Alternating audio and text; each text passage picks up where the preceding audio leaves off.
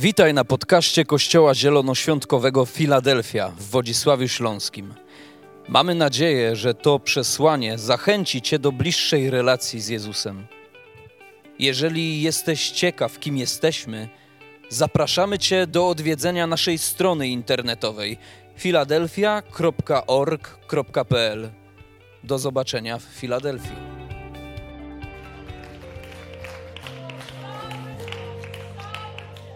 Chwała Ci Najwyższy. Usiądźcie, moi drodzy.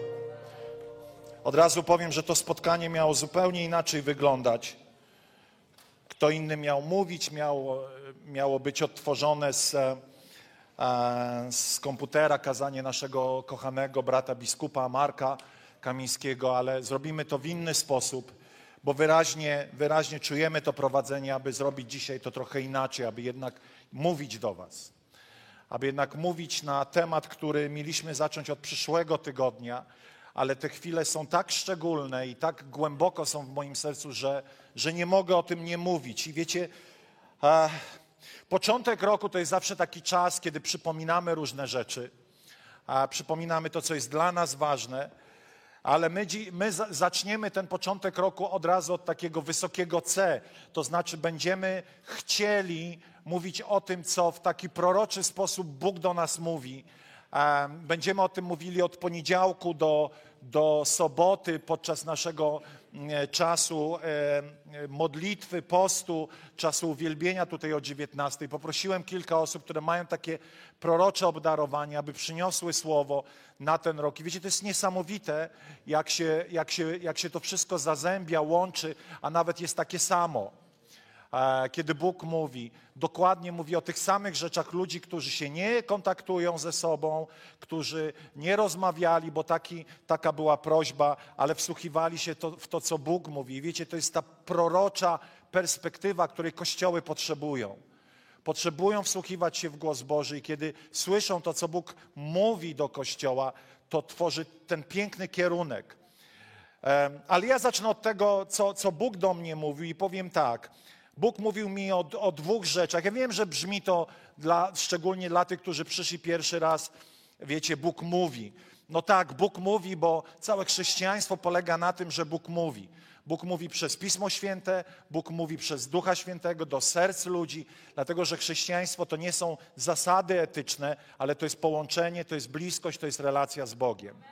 I wiecie, przed Jezusem było tak, że Bóg mówił tylko do kilku osób, ale od dnia zesłania Ducha Świętego Bóg, jest, mówi, Bóg chce mówić do każdej osoby, która powierza Mu swoje serce i swoje życie.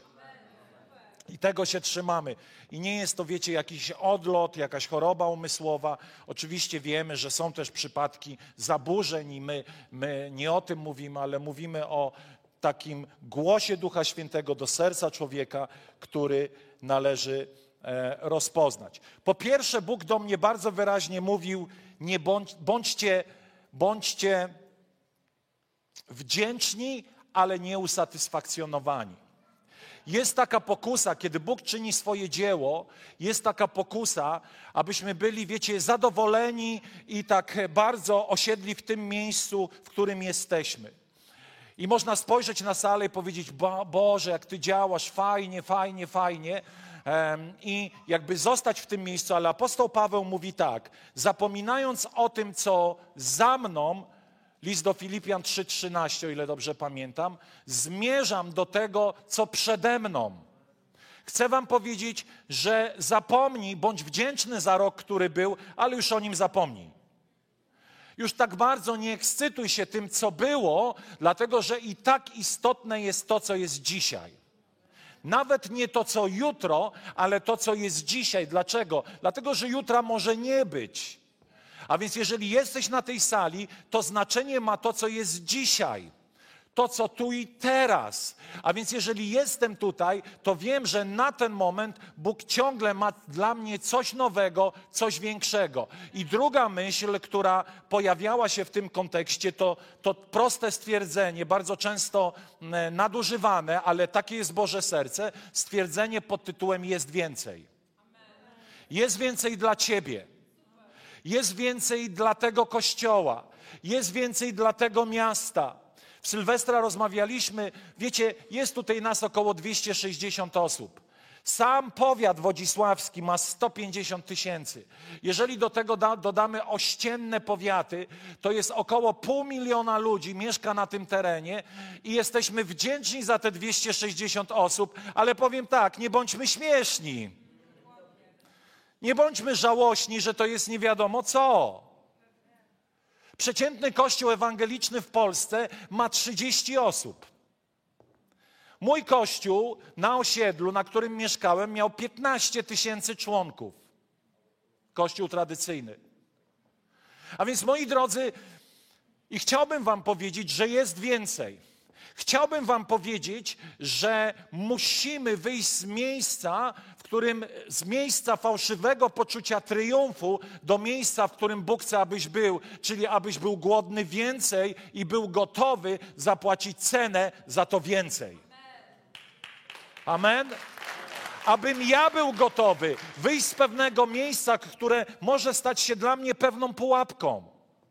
To miejsce może dla ciebie stać się pewną pułapką. Wiesz, kiedy przestajesz mieć doświadczanie Boga, kiedy zbyt długo pozostajesz w jednym miejscu w jednym poziomie relacji z Bogiem, w jednym poziomie życia takiego codziennego, kiedy zaczynasz jakby stwierdzać, że to, co masz z Bogiem, wystarcza ci, a ja chcę ci powiedzieć, żeby ci nie wystarczało. Czy wiesz, że do małości, która in, może inaczej. Wiecie, o to chodzi, że kiedy idę do rzeczy pierwszy raz, to one są dla mnie świeże i nowe. Kiedy robię coś pierwszy raz, nawet mój mózg jest i twój tak skonstruowany, że kiedy pojawiają się w naszym życiu rzeczy świeże, rzeczy, których nie przeżywaliśmy, są one dla nas niezwykłe. Ale kiedy zbyt długo jesteśmy w tym samym miejscu, to to, co jakiś czas było temu niezwykłe, staje się zwyczajne. I odpowiedzią nie jest docenianie tego, co mam, to jest teraz skandal, co powiem, ale chęć posiadania więcej z Bogiem. Bardzo często mówimy: doceniaj to, co masz. Tak, ale ja chcę więcej. Ja jestem wdzięczny za to, co mam, ale nie jestem usatysfakcjonowany tym, co mam z Bogiem. Myślę, że Biblia daje nam wzór tego, co możemy z Bogiem mieć. A ponieważ pozostajemy zbyt długo w pewnym miejscu, to to, co mamy, staje się dla nas rutyną. Przestaje być świeże. E, dlatego na przykład nie ma czegoś takiego w kościele, jak wiecie, jakieś święte, namaszczone i jedyne pieśni. Dlatego, że jeżeli zbyt długo je śpiewasz, to one stają się po prostu nieświeże. My nie czcimy piosenek, czcimy żywego Boga, ale wiele kościołów czci piosenki, czci formy. Tak bardzo zakochaliśmy się bardzo często w tym, co jest znane, że nie mamy chęci ani potrzeby wejść w rzeczy nowe, bo wydaje nam się, że już nie wiadomo, co mamy. Do małości, która kiedyś była wielkością, można się przyzwyczaić. Jest taka historia o Gedeonie. Moje ulubione kazanie jedno z takich, e, kiedyś je głosiłem w taki bardzo obrażający sposób, dzisiaj je wygłoszę z miłością. Więc mam nadzieję, że nikogo nie obrażę, ale jeżeli poczujesz się przez chwilę dyskomfortowo, to już nie ja, to Pan. E, moi drodzy, Gedea, e, szósty rozdział e, Księgi Sędziów, o ile dobrze pamiętam, oto jest taki moment, że jest napisane, że Izrael był pod takim, przyk, doświadczał przykrości z powodu najeżdżania ościennych plemion. Ja tylko sparafrazuję, żeby było wiadomo o co chodzi. I tam jest napisane, że Izrael obsiewał, wrogowie najeżdżali, zabierali to, co Izrael obsiał. I to była taka niekończąca się historia takiego wegetowania. I nagle pojawia się na scenie ktoś taki jak Gedeon. Człowiek trochę znikąd. Człowiek właściwie, który się, mm, można by było powiedzieć, w ówczesnych kategoriach nie kwalifikował i nie był kompetentny.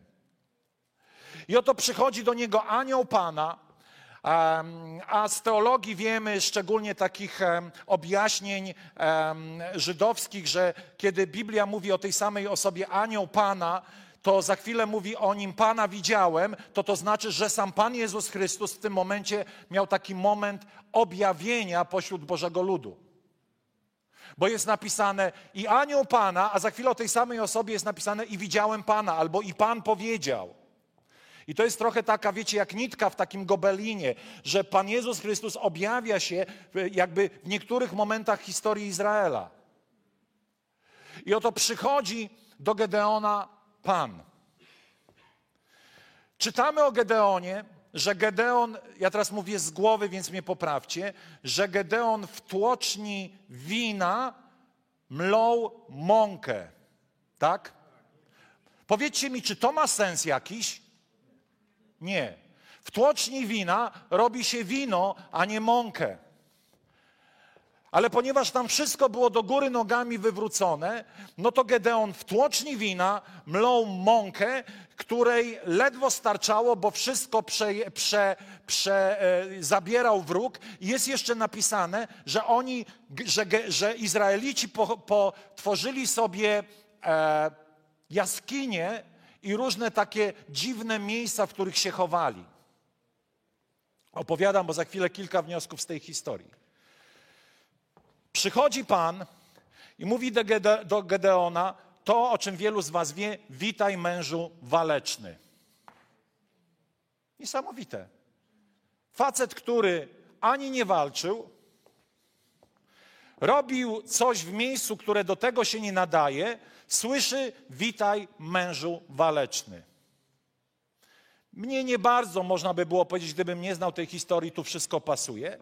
I zobaczcie, co Gedeon zaczyna mówić. Coś, o czym mówiliśmy ostatni miesiąc. E, miesiąc. Za przeproszeniem, panie, jestem najmniejszy, z najmniejszego rodu, w ogóle się nie czuję jako mąż waleczny, a tak poza tym Chwila, chwila, gdzie są te wszystkie cuda, gdzie są te wszystkie zwycięstwa, gdzie są te wszystkie historie, o których słyszeliśmy? Gdyby były prawdziwe, to nie mieszkalibyśmy w tych jamach, w tych pieczarach, nie bylibyśmy pokonani i tak dalej, i tak dalej. Moi drodzy, kiedy czytamy tą historię, to, to z niej można wyciągnąć kilka myśli. Po pierwsze, Izrael mieszkający w jaskini przyzwyczaił się do życia w jaskini. To piękne miejsce, to może być dla ciebie jaskinią. To ta piękna sala, ta piękna kawiarnia, zamiast być miejscem błogosławieństwa, może stać się miejscem ucieczki. Ponieważ wiemy z tej historii, że oni mieszkali w jaskiniach, w miejscach, które nie były dla nich przeznaczone, bo to byli rolnicy. Rolnicy mieszkają w domach, rolnicy mieszkają w jakichś szałasach, ale nie w jaskiniach, po górach. I wiecie, ja nie twierdzę, że takie miejsca nie mogłyby być w jakiś sposób e, doskon, e, jakby e, przydatne, ale one nie były przeznaczeniem. One nie były miejscem docelowym. I teraz przeskakujemy z tej historii do Nowego Testamentu. Oto w Nowym Testamencie jest napisane, że pierwszy Kościół rozwijał się, ale tak bardzo zapatrzył się w pewnym momencie do wewnątrz, że wiecie, co musiało nastąpić? Rozproszenie Kościoła. Jest takie pojęcie teologiczne rozproszenie Kościoła. Kiedy byli skoncentrowani do wewnątrz, a pamiętamy, że jeszcze kilka tygodni albo miesięcy, nie znam tej perspektywy, ludzie nawracali się tysiącami, nagle zaczęli być skoncentrowani do wewnątrz i co się zaczęło dziać? Zaczęli przesadnie koncentrować się na rzeczach, które nie miały znaczenia. A czy głośno w kościele może być, czy cicho? Czy nakrywać głowy kobiety mają, czy nie nakrywać? Czy mogą mówić kazania, czy nie mogą mówić kazań? Czy są jakieś święte pieśni, czy nie ma świętych pieśni? Czy tatuaże są od Boga, czy nie są od Boga? Czy kolczyki są od Boga, czy nie są od Boga? Czy tam po tym, w tym fragmencie jest przecinek Biblii, czy nie ma przecinka? Bo jak jest przecinek, to ty nie masz racji, a ja mam rację. Mniej więcej to tak wyglądało. Zaczęli kłócić się między sobą o sprawy drugorzędne. Do tego stopnia, że musiał Pan że, że apostołowie musieli zrobić naradę i powiedzieć, że nie ma sensu kłócić się o sprawy drugoplanowe i zalecili tylko cztery rzeczy. Ludzie, oni zalecili cztery rzeczy Kościołowi, a ile dzisiaj Kościół ma nakazów, zakazów, e, wolno ci, nie wolno? Tysiące! Ciągle ludzie kłócą się właśnie o te durne ludzkie przepisy. Efekt jest taki, że te przepisy zamiast mnie przybliżać do Boga, to mnie oddalają. Wiecie dlaczego? Bo nikt nie czuje się na siłach te wszystkie głupoty wypełniać. Te wszystkie durnowatości, które tylko sprawiają, że czujemy się niekompetentni. Zgubiłem się trochę. Po co ja chciałem powiedzieć? To jest tak, jak się mówi z, z, bez kartki. Cztery rzeczy Gedeon, tak, to wiem, tyle wiem, ale co dalej to nie wiem. dobra, dobra. A więc zaczęli zajmować się rzeczami nieznaczącymi. Gedeon, teraz trochę improwizuje, Gedeon, e, Gedeon mieszkał z całym, z całym narodem e, żydowskim w jaskiniach i do tych jaskiń się przyzwyczaił. Aha, już wiem. I to miejsce, to cudowne miejsce Bożej obecności może być naszą jaskinią. Bo odwróćcie się do góry, no nie odwracajcie się, ale spojrzycie, tam jest prawie pełno, tu jest pełno i powiemy, dobrze nam tutaj. I w tym momencie staje się to jaskinia. Świetnie zespół prowadzi uwielbienie. Czujemy te ciary. To jest Boża obecność. Nie, nie, nie, nie. To jest dopiero początek tego, co nazywamy Bożą obecnością, ludzie. Jeśli spotkałbyś się z Bożą obecnością, nie, mógłby, nie mógłbyś stać obojętnie albo w sposób pasywny być na tej sali w trakcie uwielbienia. Ponieważ kiedy przychodzi Boża obecność, to z człowiekiem coś się dzieje i dzieje się na trwałe. Na tym polega różnica między atmosferą a obecnością, że atmosfera może prowadzić mnie do Bożej obecności, bo trudno, żeby była zła atmosfera i była Boża obecność, chociaż Pan Bóg czasami dewastuje złą atmosferę ludzi podzielonych, skonfliktowanych. Oni pokutują ze swoich e, e, postaw i, i wtedy przychodzi Boża obecność, ale Boża obecność jest, e, atmosfera jest tylko wstępem do Bożej obecności. A więc myśl pierwsza jest więcej. Jest więcej. Nie zadowalaj się swoją jaskinią. Nie uczyń z miejsca, które dzisiaj jest pełne życia, miejsca zadowolenia i miejsca ostatecznie Twojej duchowej klapy. Dlaczego? Dlatego, że będziesz zbyt długo pozostawał w tym miejscu. Duchowe życie zawsze jest podróżą. Tak jak życie Kościoła zawsze jest reformacją. A więc jeżeli myślicie, że za rok tu będzie tak samo, jak jest dzisiaj, chcę wam powiedzieć, jesteście w błędzie. Dlatego, że Filadelfia zawsze będzie się zmieniać. Filadelfia zawsze będzie słuchać głosu Ducha Świętego tak długo, dopóki ja żyję. A jak umrę, to macie wybrać pastora, który będzie zawsze kochał zmiany. Bo inaczej po was. Musimy się ciągle zmieniać. Znam zbyt wiele historii ludzi bożych i całych wspólnot, które zakochały się w przeszłości. I druga myśl, o której chcę powiedzieć, której Bóg do mnie wyraźnie mówi, to Arkadiusz, chroń atmosferę uwielbienia w Filadelfii. I powiedz tym ludziom, że jest więcej. I cały miesiąc będziemy mówić o tym, o szacunku do uwielbienia jako drodze do Bożej obecności. Dlaczego? Czy nie powinniśmy raczej mówić szacunku do Boga?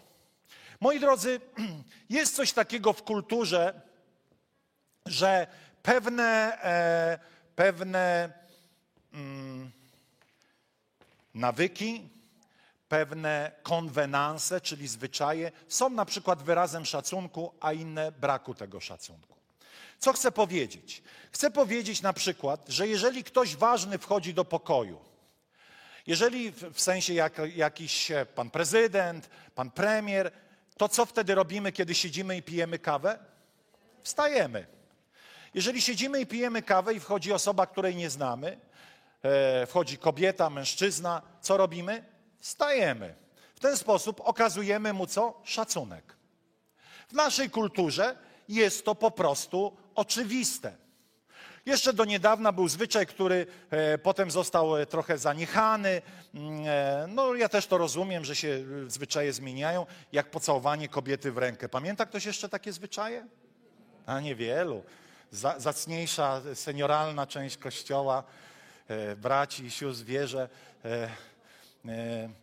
Piękny zwyczaj, cudowny. Oczywiście dzisiaj tego już tak nie praktykujemy, ale zawsze się całowało kobietę w rękę i tak dalej, i tak dalej. I w Królestwie Bożym są pewne rzeczy w kulturze Królestwa Bożego, które Bóg ustanowił jako konwenans, jako zasadę, które coś wyrażają. I uwielbienie ja tylko teraz zrobię tutaj kropkę, ponieważ czasami ludzie mogą nie wiedzieć, szczególnie ci, którzy z Was przyszli pierwszy raz, co to jest to uwielbienie. Bo to jest takie słowo bardzo kościelne, uwielbianie Boga. Uwielbianie Boga to jest wykorzystywanie różnych środków wyrazu, ale także a, pewien sposób myślenia, w którym deklarujemy, ogłaszamy wielkość Boga, dobroć, Jego piękno, Jego niezwykłość, Jego cudowność i tak dalej, i tak dalej. I to śpiewanie piosenek to jest nic innego jak śpiewane uwielbienie Boga. Jesteście ze mną? Czy to jest teraz jasne? Okej. Okay. Czyli kiedy śpiewamy, to śpiewamy o tym, jaki Bóg jest cudowny. Bo w istocie czczenia Boga jest to, że my go ustanawiamy najlepszym, najpotężniejszym, największym, naszym, mówiąc tak kolokwialnie, number one. On jest na pierwszym miejscu, nie ma lepszego, nie ma piękniejszego, nie ma kogoś, kto ma większą moc, chwałę i majestat. I teraz w zależności, posłuchajcie, od tego, kto w Twoim sercu ma te cechy, nie teologicznie, ale praktycznie kto w Twoim sercu ma y, jakby pierwsze miejsce, ten jest Twoim Bogiem. Ten jest Twoim Bogiem. To, że przychodzisz tutaj, jesteś chrześcijaninem, nie znaczy, że Pan Bóg jest Panem Bogiem w Twoim sercu. On we wszechświecie jest, ale w Twoim sercu niekoniecznie. On ciągle panuje, ale nie zawsze jest tak, że z automatu On panuje w Twoim sercu. Dlatego, że zawsze to jest kwestia świadomości, decyzji. I teraz, kiedy przychodzimy na takie spotkanie jak to, a Biblia bardzo często mówi o duchowej deklaracji. Co to jest duchowa deklaracja? Oto Izrael miał ogłaszać Szemma Izrael, czyli słuchaj Izraelu, Pan jest jedynym Bogiem. Muzułmanie ogłaszają, że Allah jest jedynym Bogiem. A chrześcijanie co robią? Marudzą. E, za głośno, za cicho. A nie będę podążał za liderem, bo to jest podążanie za człowiekiem. Więc nie będę śpiewał, że Jezus Chrystus jest Panem. Nie będę podążał za człowiekiem. Już większej durnoty nie da się usłyszeć w kościołach. Efekt jest taki, że Izrael śpiewa Szema Izrael, słuchaj Izraelu, posłuchaj, kto jest największym Bogiem. Muzułmanie wygłaszają swoją deklarację, o ile dobrze pamiętam, pięć razy dziennie, a chrześcijanie się kłócą o uwielbienie, które jest tą samą duchową deklaracją. Dlatego uwielbienie zawsze powinno być widzialne we, we świecie i wszechświecie. Myśmy to zredukowali do jakiegoś jedynie stanu serca. Ale Żydzi tak nie pojmowali. Oni, ci mądrzejsi od nas, wiedzieli, że zaczyna się to w sercu, ale kończy na ustach. Nawet sam Pan Jezus powiedział: Z obfitości serca mówią Twoje usta. Jesteście ze mną? A więc, jeżeli mówimy o uwielbieniu Kościoła, a Kościół przychodzi na to miejsce przede wszystkim, aby go uwielbiać, to musimy zrozumieć, że to jest uwielbienie, które zaczyna się w sercu, ale kończy się na ustach. Nie ma tego nijak inaczej wytłumaczyć. Dlatego, że zobaczcie, ci sami ludzie, czyli ty i ja, jeżeli coś dla nas jest ważne, to chcemy to z kimś przegadać. Chcemy o tym komuś powiedzieć. Słuchaj, wygrałem w Totolotka milion złotych. Powiedzcie mi, kto wygrałby 16 milionów? Ja rozumiem, że jest sprawa e, zaufania, ale przychodzisz do swojej żony i mówisz tak, wygrałeś 16 milionów i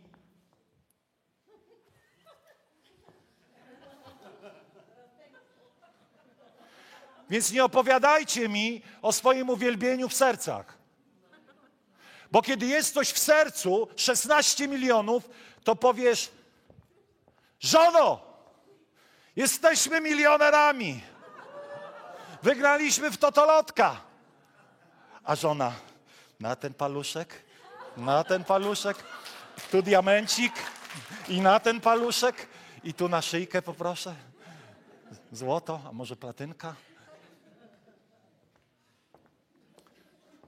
To ludzie z duchowego lenistwa i ze, swojego, ze swojej letniej wiary dorobili ideologię. Swoje niezaangażowanie uduchowiliśmy. Swoje skrępowanie, bo boimy się, co inni pomyślą, uczyniliśmy większym Bogiem niż Boga. Bardziej nas interesuje to, co pomyśli ktoś o mnie, niż to, co pomyśli o mnie Jezus podczas uwielbienia. A mi tak głupio, a mi nie głupio. A mi nie głupio.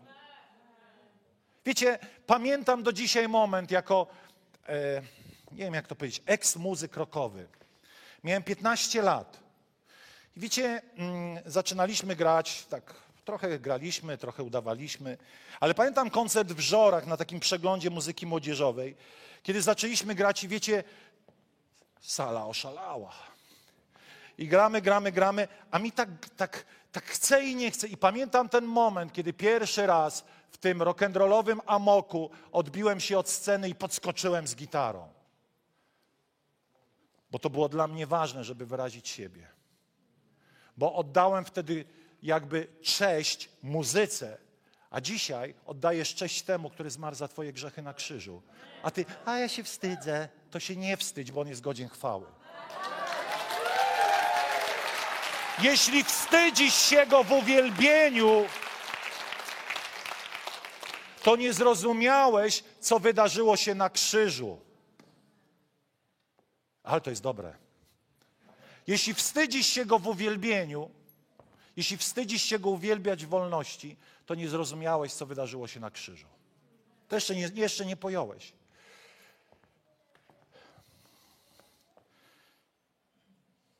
Albo może nie wstydziłeś się Go w uwielbieniu, ale oklapłeś. Uwielbienie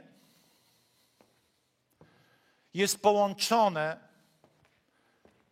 z przeżywaniem i doświadczaniem Bożej obecności. I teraz ja wy, wyrażę się jasno, czym jest Boża obecność. Boża obecność w Starym Testamencie Szekina, czyli Boża chwała, i kabot, ciężar Bożej obecności. To jest moment, kiedy Bóg objawia się swojemu ludowi w sposób widzialny.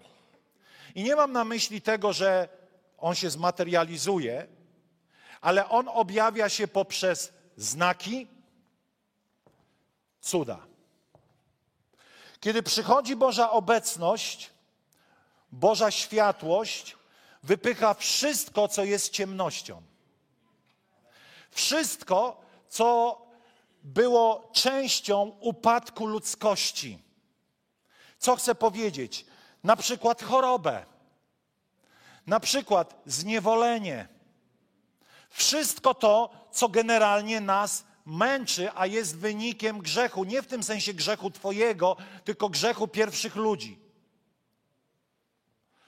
Kiedy przychodzi Boża chwała, to ona zachowuje się w takim, wiecie, na przykład na tej sali, gdyby, był nieładny zapach, to Boża chwała jest jak najlepszy perfum połączony z odświeżaczem powietrza, bo wiecie, że odświeżacze powietrza w swojej naturze nie pachną. Wiecie o tym czy nie?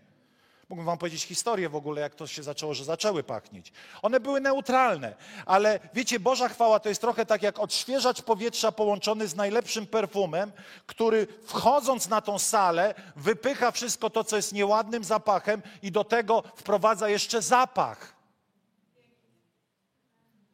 Przenika. I kiedy teraz mówimy o Bożej obecności, to mówimy moment, w którym Duch Święty zaczyna wypełniać zgromadzenie i wszystko to, co jest ciemnością, wszystko to, co jest naszym osobistym grzechem, wszystko to, co jest naszym jakimś zniewoleniem, zaczyna być usuwane przez Jego obecność. Jesteście ze mną?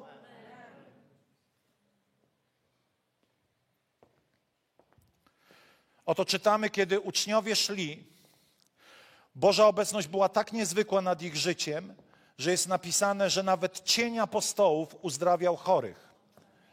Ja nie wiem, czy cień, bo cień nie ma materii, ale, ale myślę, że to była jakby, nie można cienia zmaterializować, ale myślę, że chodziło o to, że kiedy ludzie znaleźli się w zasięgu apostołów, że padał cień, to mogły być dwa metry, to wszystko to, co było tam ułomne, było uzdrawiane.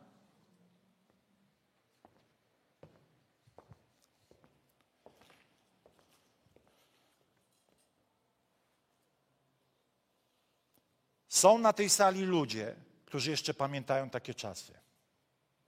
Około 30 lat temu. Opowiadałem na Sylwestra pewno, pewne jedno nabożeństwo, kiedy przetoczyła się przez salę niewidzialna kula Bożej obecności. I wiecie, to było tak dziwne zjawisko. Pamiętam jak dzisiaj, kiedy pastor Leszek machnął ręką, a od, od lewa do prawa przeniknęła nas jakby niewidzialna siła, która powaliła ludzi na ziemię.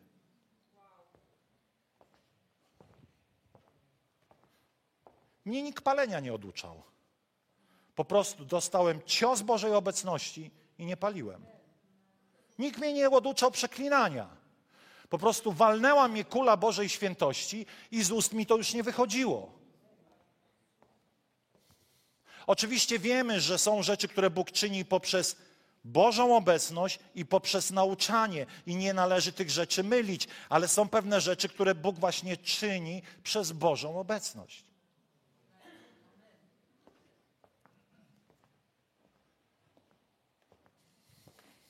A więc o tym mówimy.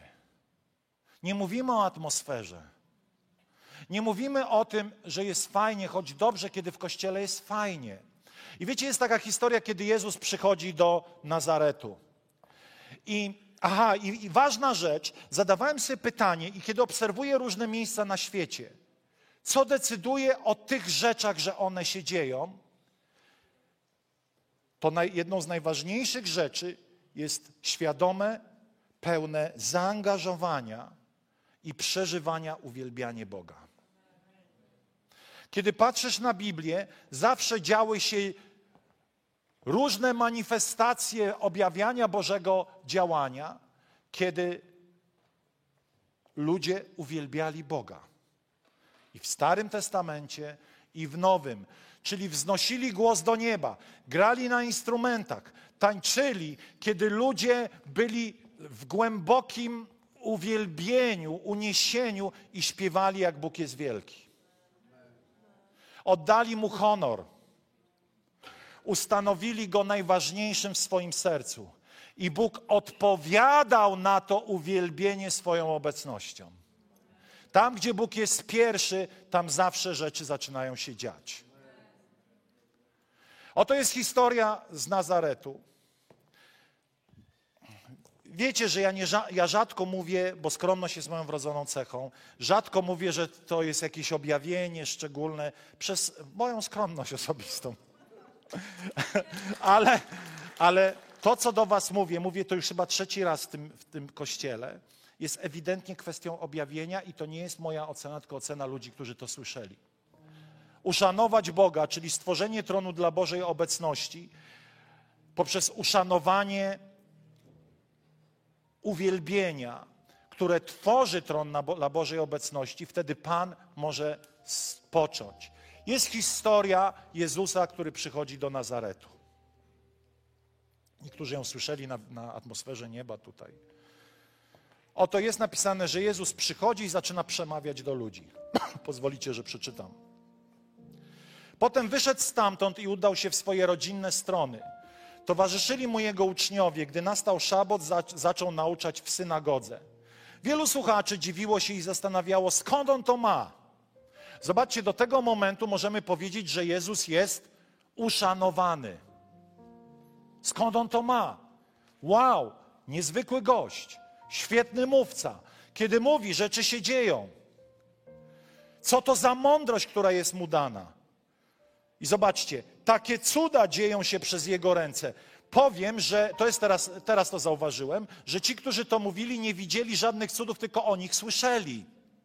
Bo potem jest napisane, że w tym miejscu, w którym mówił, nie zobaczyli żadnych cudów.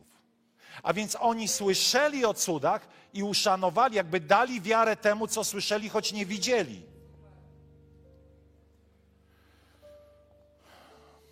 Takie cuda dzieją się przez jego ręce, ale teraz następuje zwrot całej sytuacji. Czy to nie jest ten cieśla? Najpierw pozycja Jezusa była tu, ale sobie przypomnieli, że przecież chłopak się wychował razem z nimi i był cieślą. Czyż to nie jest cieśla? I już go detronizują powoli.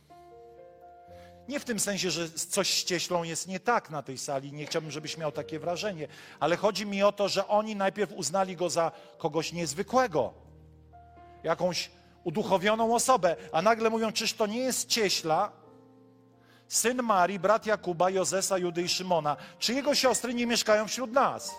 Ej, ej, można by było powiedzieć mniej więcej tak. Przecież znamy gościa, bez przesady z tym, z tym byciem synem Bożym. Facet stołki strugał, a poza tym kamieniami w synagogę rzucał, jak był mały.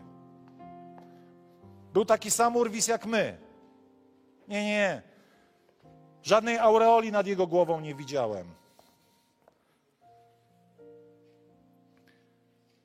I stopniowo odwracali się od niego. Zobaczcie, najpierw był tam, ale potem pokombinowali i z tego tam spadł tu. I odwracali się od niego. Wówczas Jezus zwrócił im uwagę i mówi: Nigdzie prorok nie spotyka się z lekceważeniem, jak tylko w ojczystych stronach. Czy wiecie, że można być chrześcijaninem i przyzwyczaić się do Jezusa i go zacząć lekceważyć? Mnie serce boli, jak ludzie sobie żarty z uwielbienia robią. A siku, a piciu, a coś tam. To jest święty moment. Nie możemy tak wchodzić i wychodzić. Nie możemy tak gdzieś, wiecie, coś. Ale dzisiaj skończymy na tym miejscu. Pamiętajcie, jest napisane, że, kiedy, że prorok, kto przyjmuje proroka, otrzymuje nagrodę proroka. Jeśli Syna Bożego przyjmiesz jako Syna Bożego, otrzymasz cały zasób nagród Syna Bożego, które On ma dla Ciebie. Za tydzień będę mówił o takim miejscu pokory w uwielbieniu. Ale dzisiaj chciałbym, abyśmy jedną rzecz zakodowali sobie. Kiedy przychodzimy razem na to miejsce, to to nie jest festiwal z dwójką. To to nie jest e, Sylwester z Polsatem. To jest duchowa deklaracja. On jest największy. On jest najpiękniejszy, On jest najcudowniejszy. I wyrazimy to śpiewaniem, wyrazimy to e, klękaniem, wyrazimy to klaskaniem, bo przecież Biblia mówi, że z całych sił i zrobimy wszystko, aby Bogu oddać chwałę. Znieśmy swoje ręce.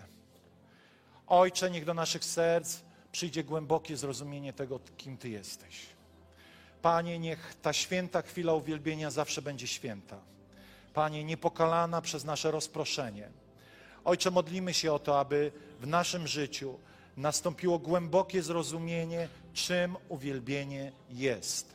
Panie, abyśmy nie zatrzymali się jedynie na pewnej ceremonii pozbawionej głębi. Ojcze, my chcemy wyrazić całymi sobą, jak bardzo jesteś dla nas ważny i niezwykły, jak jesteś dla nas najważniejszy.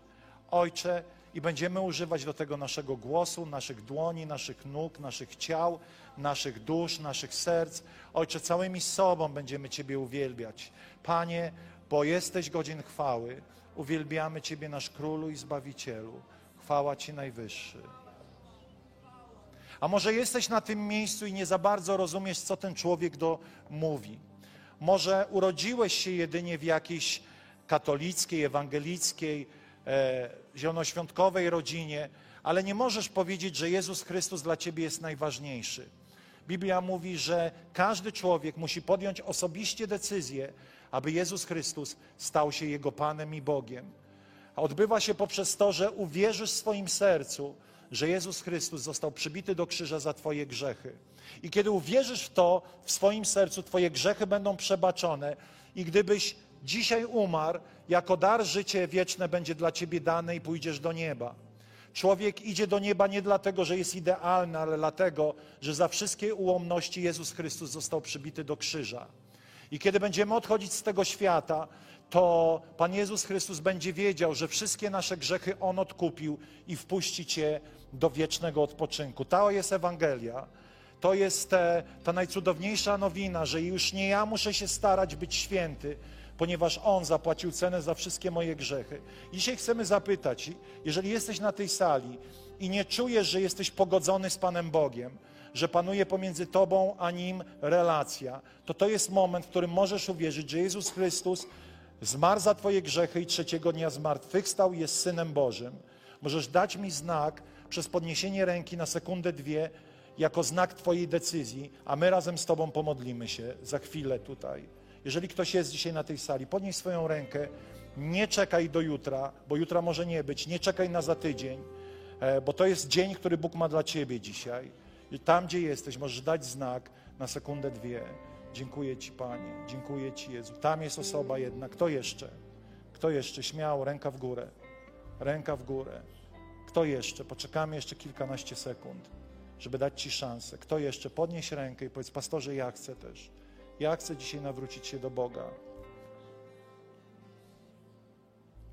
Ponieważ jedna osoba jest tak samo ważna jak dziesiątki osób, będzie, my będziemy razem z Tobą po, powtarzali tą modlitwę, a Ty szczerym sercem módl się razem ze mną, powtarzając za mną. Panie Jezu, przychodzę do Ciebie z całym moim życiem.